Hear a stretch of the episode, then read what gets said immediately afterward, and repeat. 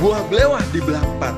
Pesen sate, datangnya gulai. Ayo semua kita merapat. Podcast anak Jakarta mau dimulai.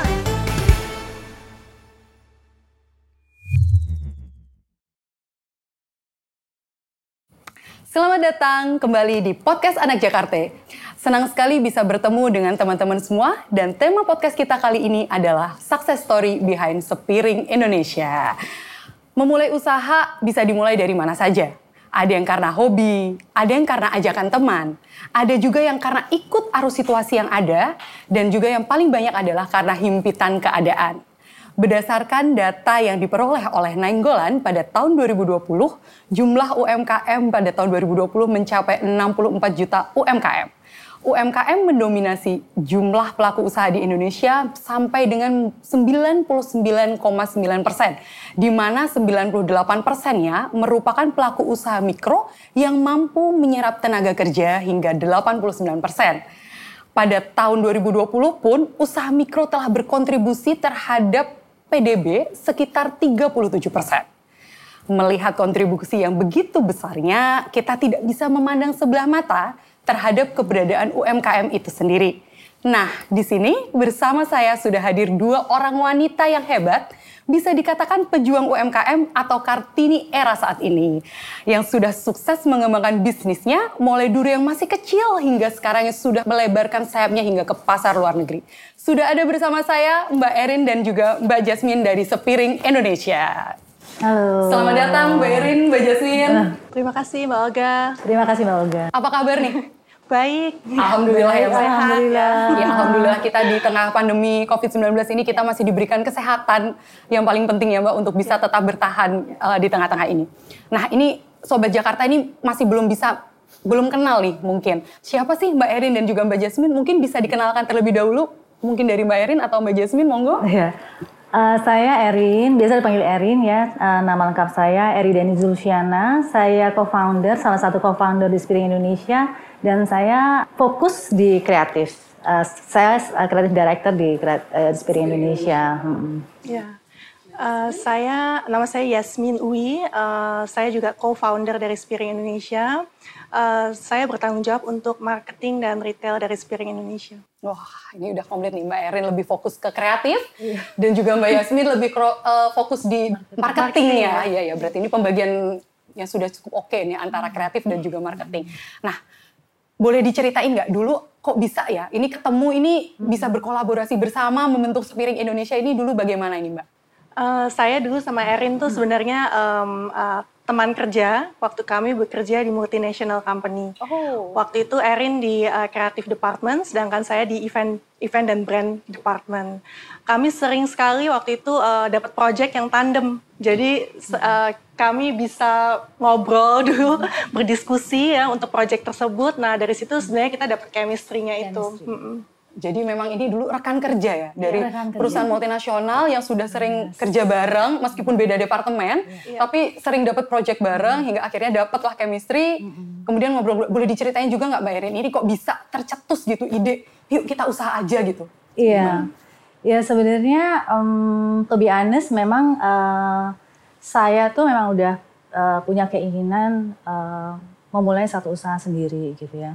Tapi kan uh, again uh, masalahnya adalah uh, saya harus menemukan partner yang pas karena saya sadar saya itu orang kreatif, saya butuh partner bisnis yang bisa juga support di marketing gitu.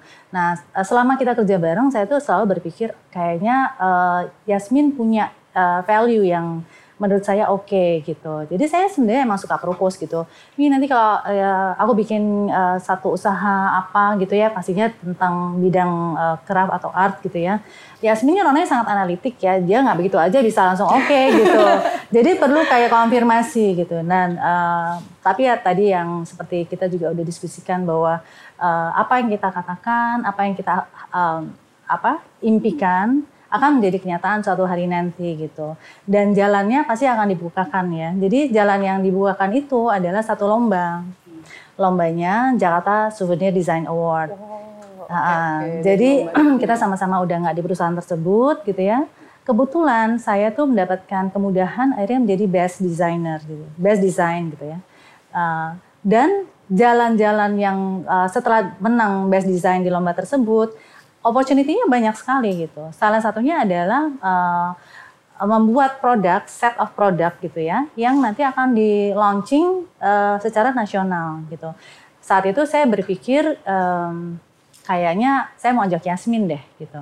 Jadi awalnya kita tuh masih kayak nggak uh, berpikir se apa ya sepanjang ini, sepanjang ini nggak no, cuman kayak oke okay, ini kita kita dapat kesempatan, ayo Min gitu bantuin dan Jasmine uh, excited gitu. Iya. Oh, okay. Karena jadi, saya juga suka sama craft gitu ya. Uh, uh, jadi dan saya juga lihat saya cocok gitu sama hmm. Erin chemistry-nya ya. Hmm. Kita Saling punya bareng tadi itu ya. ya kita ya? punya passion yang sama, hmm. kita punya visi yang sama dan kita punya terjadi, yang sama ya. Iya, kita punya pick yang sama juga. Hmm. Ya. Oh, okay. ini ini ini menarik ini. Hmm. Jadi uh, berawal dari rekan kerja uh. yang sering kerja bareng, hmm. kemudian Mbak Erin hmm. yang hobi desain mengikuti lomba JDSA, yeah, yeah. kemudian menang, kemudian wah kayaknya ini uh. sayang nih kalau cuma hanya sekedar uh, ini uh, dan uh. juga mimpi tadi itu ya. Yeah. Kuncinya itu ada di mimpi, mimpi pasti uh, akan menjadi kenyataan. Uh, mimpi dan ucapan ya, mimpi menjadi dan doa dan menjadi. menjadi kenyataan akhirnya. Ini gitu. cocok selalu. juga ini Mbak Erin. Ada juga uh, quote dari Bill Gates jika kamu tidak membangun mimpimu sendiri, hmm. maka hmm. seseorang akan mempekerjakan kamu untuk membangun mimpi mereka. Ini ya. cocok sekali ini. Bener Jadi tuh. dari uh. membangun mimpi mungkin uh, perusahaan multinasional uh, itu tadi, kemudian beralih menjadi membangun mimpinya sendiri. Betul. Nah, ini selanjutnya nih. Uh, Kenapa uh, sepiring Indonesia?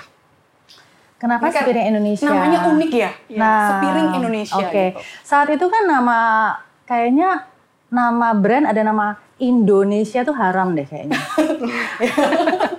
bener bener. Karena pada saat ya, itu orang tuh kalau nggak ya. Sanskrit, uh, terus bahasa Inggris, saya pun juga mencari-cari karena uh, kita tuh dikasih apa namanya uh, tasnya itu adalah mendesain enam budaya, kemudian dicetak menjadi piring gitu ya.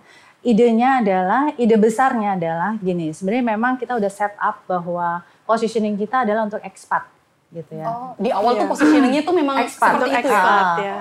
Expat kalau ke Indonesia kan bawa keluarga. Hmm, hmm, hmm. Jadi kita assume bahwa mereka suami istri anaknya empat gitu ya. Oh.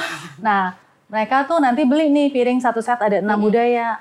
Uh, Jakarta, Jawa, Bali, uh, Bugis, uh, Kalimantan ya, Dayak sama Minang gitu ya. Di situ ada cerita tuh Spirit okay. Indonesia dari awal memang kita ber uh, kita sudah apa ya?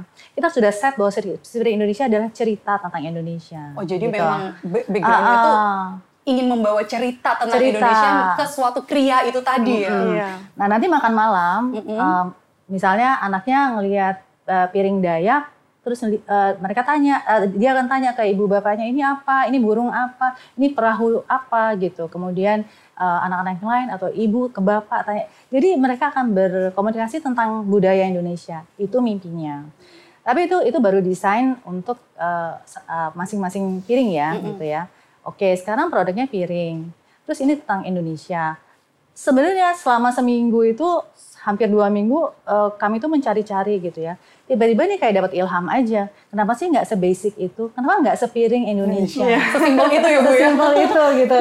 kayak itu kan artinya oke okay, piring. Tapi juga sepiring itu artinya juga wadah.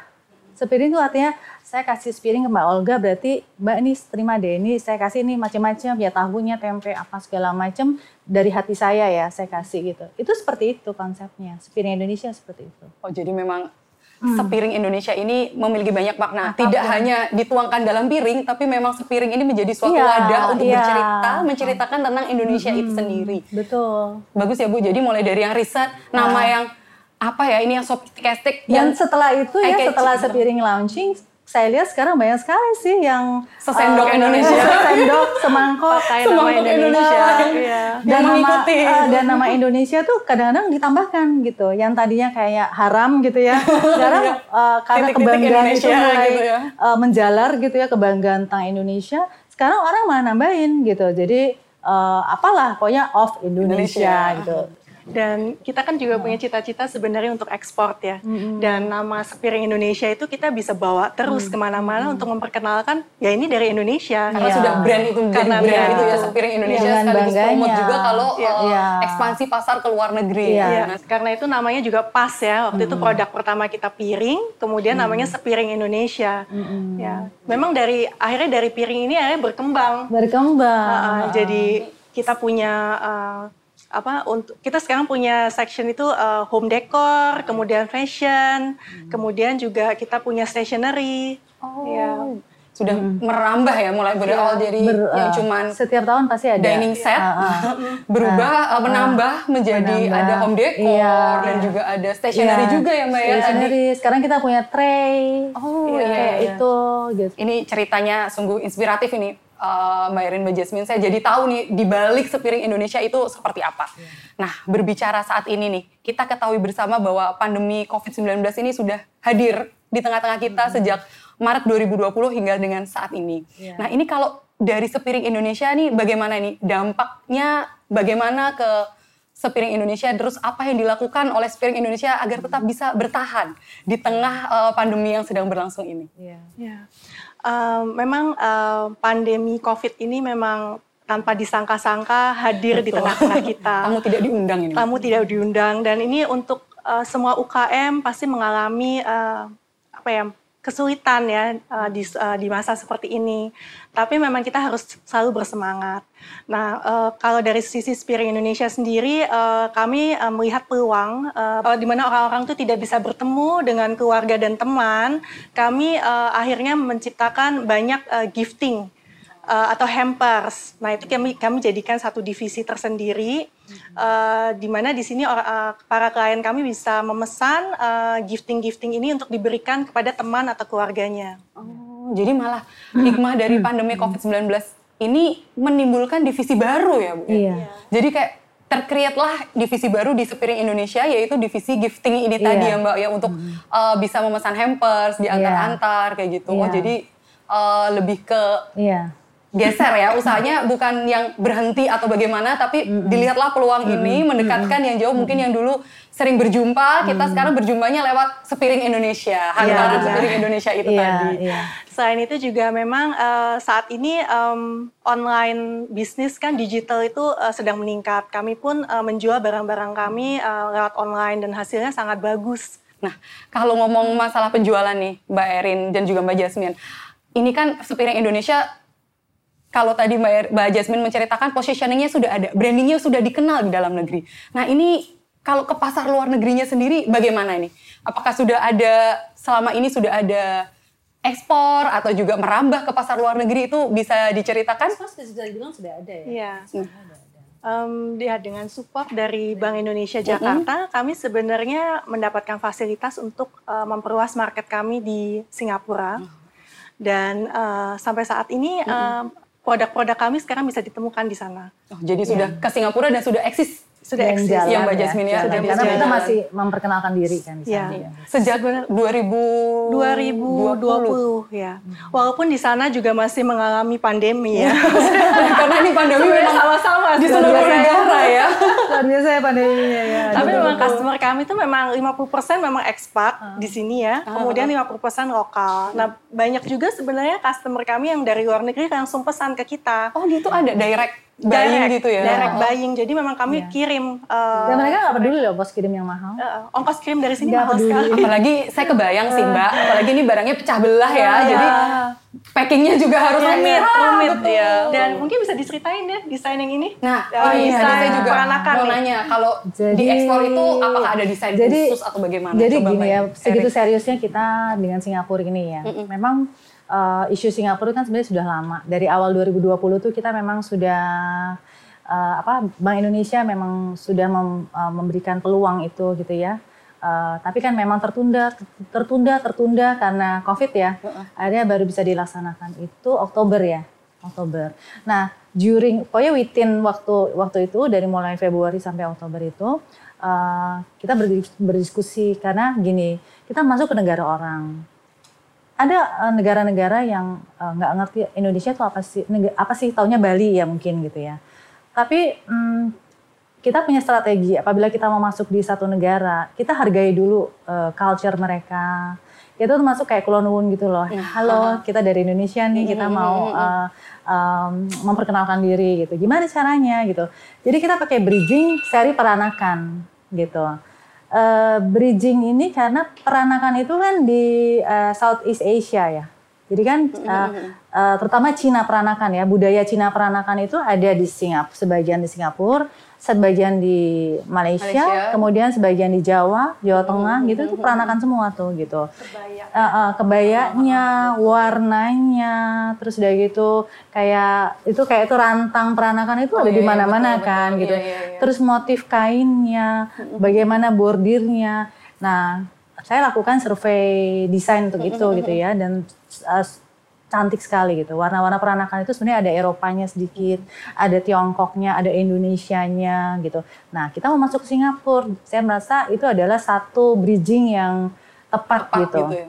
Santun Mengambil- dan tepat gitu ya. mengambil Dan, tema peranakan uh, itu uh, tadi ya. Terus juga kita juga harus um, mm, apa ya? Karena kita ini kan Indonesian pride ya. Ini kan uh, kebanggaan kita. Kita nggak mau masuk ke negara orang dengan istilahnya kayak biasa-biasa aja gitu. Nggak mau kan Iya, gitu. betul. Jadi pilih produk-produk yang mereka suka gitu. Uh, salah satunya ini produk ini adalah satu uh, kolaborasi kita juga sih. Ini uh, hasil diskusi dengan teman di Jogja yang juga sudah kualitasnya sudah ini tray-nya ini ya. Ini memang uh, kualitasnya sudah internasional gitu.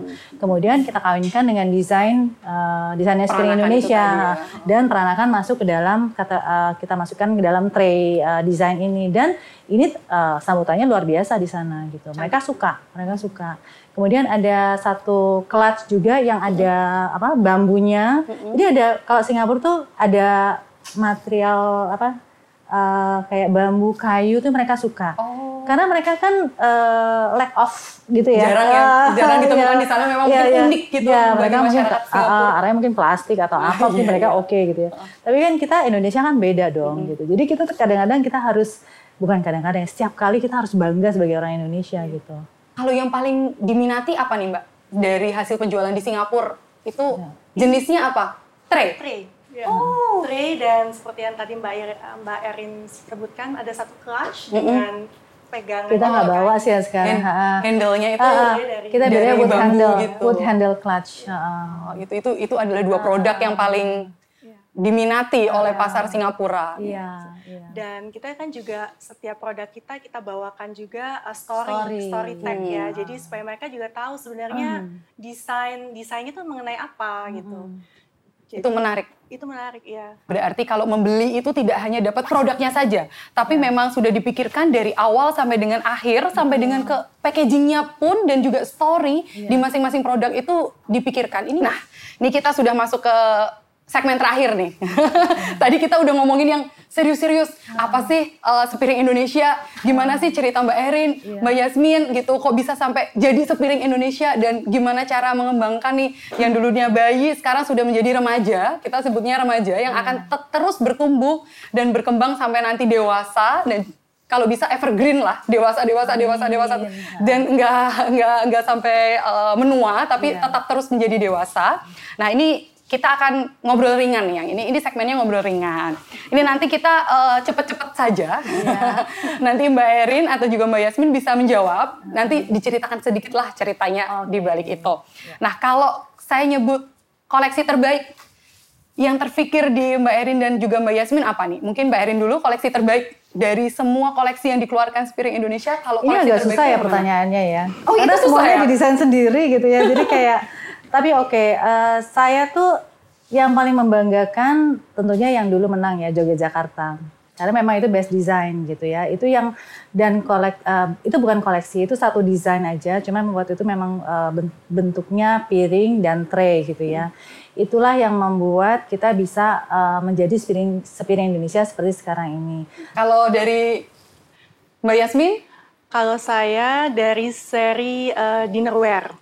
Dinnerware. Ya, karena saya tahu sekali di Indonesia ini uh, yang meng- yang mengeluarkan desain seperti ini, illustration, Indonesian illustration, kemudian dijadikan dinnerware itu tidak banyak.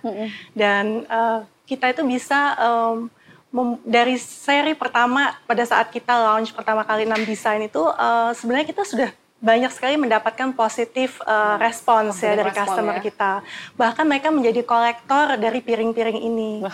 Kalau dulu ini memang iya cantik untuk dikoleksi loh. Iya. Kalau dulunya mungkin mereka mengkoleksi ya, tapi mereka nggak pakai buat makan gitu ya. Iya. Tapi kalau sekarang mereka kita tuh uh, piring-piring kita tuh food grade dan mempercantik sebenarnya untuk uh, tatanan meja makan. Pastinya ini. Iya. Hmm gimana sih cara proses desainnya? Ini berarti desainnya itu di kertas dulu, baru nanti habis itu ditempel Aduh. atau bagaimana? Ini mungkin ya, ya, yang ya, di ya, rumah ya, juga ya. bingung nih. Pertama pasti observasi kan. Hmm. Yang mau didesain apa, perluannya apa, message-nya apa kalau corporate ya. Tapi kalau dari sisi kita, kita mau keluarin uh, suku bangsa yang mana, tribe apa, uh, cerita apa yang mau kita uh, usung dari dari desain-desain ini. Kemudian lakukan observasi desain, bisa lewat buku, googling. Kalau misalnya non pandemi kan kita bisa datang visit ke langsung ke visit gitu ya. Itu paling suka kalau harus uh, observasi kain gitu. Memang orang Indonesia saya akui orang-orang yang sangat estetik gitu ya. Sejak zaman dulu sampai sekarang saya bangga sebagai orang Indonesia karena uh, kita itu bangsa yang sangat estetik gitu. Hmm uh, kak, uh, nenek kakek kita dulu tuh membuat itu dengan penuh ketekunan gitu ya bayangin ya membatik itu kan nitik ya. Betul banget ya betul. gitu. dan menghasilkan bentuk-bentuk yang luar biasa. Ya saya sih cuma sekarang istilahnya saya bukan pembatiknya ya tapi saya senang sekali mengadop motif-motif tersebut ke dalam gambar-gambar seperti Indonesia gitu. Juga misalnya kain bugis misalnya kain bugis tuh warna-warnanya apa sih gitu ya. Itu kan semua diobservasi gitu uh, crownnya pengantin Betawi itu seperti apa sih gitu? Kan nggak datang dengan sendirinya pasti saya harus lihat dulu gimana. Menarik. Gitu. berarti memang harus riset juga dirasakan riset. banyak riset. dituangkan ha, desain itu ha, ha. kemudian terjadilah Spiring Indonesia. Nah hmm, ini ya, lanjut nih kita ke mungkin koleksi terunyu nih. Koleksi terunyu. Apa ini koleksi terunyu nih Keruhnya kayaknya lebih ke arah yang peranakan ya. Karena ini peranakan si, menang banyak nih dari mbak, tadi. Peranakan ini, peranakan ini anak ini Jakarta ini perlu didengar nih. Uh, uh, yang desain peranakan ini kayaknya banyak kan macam-macam tuh ya. Kemudian uh, dia tuh kan profile close up gitu. Kayak si, uh, si cici yang itu. Cici, cici, ada cici, ada mbak gitu ya. Semuanya pakai uh, koalisi peranakan. Kebaya. Terus gitu. Uh, uh, dia dengan rantangnya, rantang yang unyu banget juga iya. itu. Uh. Kalau Mbak Yasmin sepakat juga atau ada ada selera lain nih desainnya yang paling unyu? Sepakat, sepakat. Wah, aduh ini menang banyak ini desain peranakan anak Jakarta. Karena itu dia, itu ya sebenarnya ya, kenapa unyu secara desainnya. Mm -mm. Lebih unyu lagi dia multifungsi loh. Dia itu sebagai tray. Oh, yang ini koleksi iya. koleksi yang ini ya? Ya, dia tray, dia bisa jadi meja, side table, dia bisa jadi hiasan dinding juga. Oh berarti ini desain yang uh, satu barang yang multifungsi bisa jadi tray, bisa jadi nampan dan juga iya. bisa jadi hiasan dinding iya, betul. di seri peranakan. Di seri peranakan. Nah ini kalau mungkin bisa kasih bocoran nih buat anak Jakarta, kira-kira nih hmm. akan ada desain terbaru nggak dari Sepiring Indonesia? Iya, kita lagi. ini boleh nggak uh, Mbak Yasmin, Mbak Erin ini untuk dikasih teaser gitu ke anak. Jakarta? Jadi uh, kita sudah merencanakan untuk mengeluarkan uh, versi namanya The Archipelago. The Archipelago itu nanti berseri-seri ya Rin ya. Yeah. Yes. Uh, yang pertama ini adalah mengenai uh, pelaut Bugis, yeah. mengenai budaya Bugis. Yang sudah keluar sih Yang sudah keluar di, sebenarnya di Runner. Oh, Runner, okay. jadi kemudian bantalnya. Seri The Archipelago, yeah. Pelaut Bugis. Untuk uh, yang seri pertama keluarlah Pelaut Bugis. Iya, teasernya yeah. dengan Pelaut Bugis ini. Iya. Nantinya yeah. kita akan keluarkan juga dinnerware-nya. Oh, jadi ini mungkin awal kita keluar uh, dikeluarkan table runner yeah. dan iya. juga cushion. Yeah. Nanti setelah ini akan ada dinnerware-nya. Dinner jadi para yeah. pemburu dinnerware uh, dari Sepiring Indonesia siap-siap. Setelah nah, ini akan ada seri The Di dinnerware itu nanti juga nggak cuma Bugis. Dan kali ini kita main dengan lebih monokrom. Hmm. Lebih karena kita mau memperluas pasar nih Mbak Olga karena kan mungkin ada orang-orang yang ngerasa terutama cowok-cowok ya, duh kok warna-warna warna-warni banget sih, sementara yeah, istrinya yeah, suka yeah. gitu ya. Nah kita tuh lagi lagi kita lagi pingin bikin sesuatu yang si bapaknya suka, istrinya suka, anaknya suka Semuanya gitu. Suka, ya? uh, jadi kita bikin seri yang lebih uh, monokrom wow. gitu, monokromatik. Kan Sepiring Indonesia sudah uh, mengeluarkan berbagai macam desain, sudah 8 tahun juga berkiprah di uh, dunia kria ini. Uh, kalau secara kualitasnya sendiri nih, bagaimana nih? Uh, sudah bisa bersaing tidak dengan pasar di luar negeri atau dengan brand-brand uh, yang ada di luar sana itu bagaimana nih? Hmm, Oke, okay, saya dari sisi desain dulu kali ya. ya. ya. Dari sisi desain, um, kita tidak menutup mata ya bahwa brand-brand luar masuk ke Indonesia disukai, penjualannya luar biasa gitu ya. Uh, kita juga melihat uh, kita survei mana-mana aja yang kira-kira kita bisa adopt, tapi kita kembangkan lagi gitu. Jadi kita nggak meniru, misalnya meniru plok-tiplok ya, iya. nggak gitu ya gitu ya. Tapi kita kembangkan lagi. Betul-betul berarti uh, ini juga mendukung spirit program pemerintah Mbak Erin, Mbak Yasmin, yaitu bangga buatan Indonesia. Jadi kita patut bangga dengan buatan Indonesia. Ini contohnya sepiring Indonesia sudah membuat eh, produk-produk uh, Indonesia dengan sentuhan Indonesia dengan kualitas yang tidak kalah dengan produk-produk yang ada di luar negeri. Ini bersaing sekali dan juga sudah terbukti. Ini tadi uh, apa kanvas leather bag iya. itu sudah terbukti 8 tahun pun masih awet dan masih bagus sekali. Nah kalau ini wrap up nih untuk penutup bagi uh, sobat anak-anak Jakarta. Kalau sekarang Mbak Yasmin, penjualan online tadi kan sudah sempat ya. disebutkan ya kalau di tahun 2021 mulai dari tahun 2020 ini Sepiring Indonesia fokus sekali dengan penjualan online. Nah, ini bisa disampaikan mungkin ke sobat Jakarta penjualan online ini ada di mana saja ya? Ya, um, produk-produk Spiring Indonesia uh, dapat ditemukan di um, website kami spiringindonesia.com, yeah. kemudian juga di Tokopedia. Oh gitu. Selain itu juga kita punya Instagram Spiring Indonesia. Menarik sekali sharing dengan uh, Mbak Erin dan Mbak Jasmine untuk cerita-cerita nih di balik sepiring Indonesia. Semoga cerita ini tadi bisa memberikan motivasi dan juga insight yang baik bagi para pelaku UMKM lainnya ataupun uh, pelaku wirausaha yang baru akan merintis uh, usahanya nih. Nah, anak Jakarta ya, terima kasih sudah mengikuti podcast ini. Salam sehat dan sampai jumpa lagi.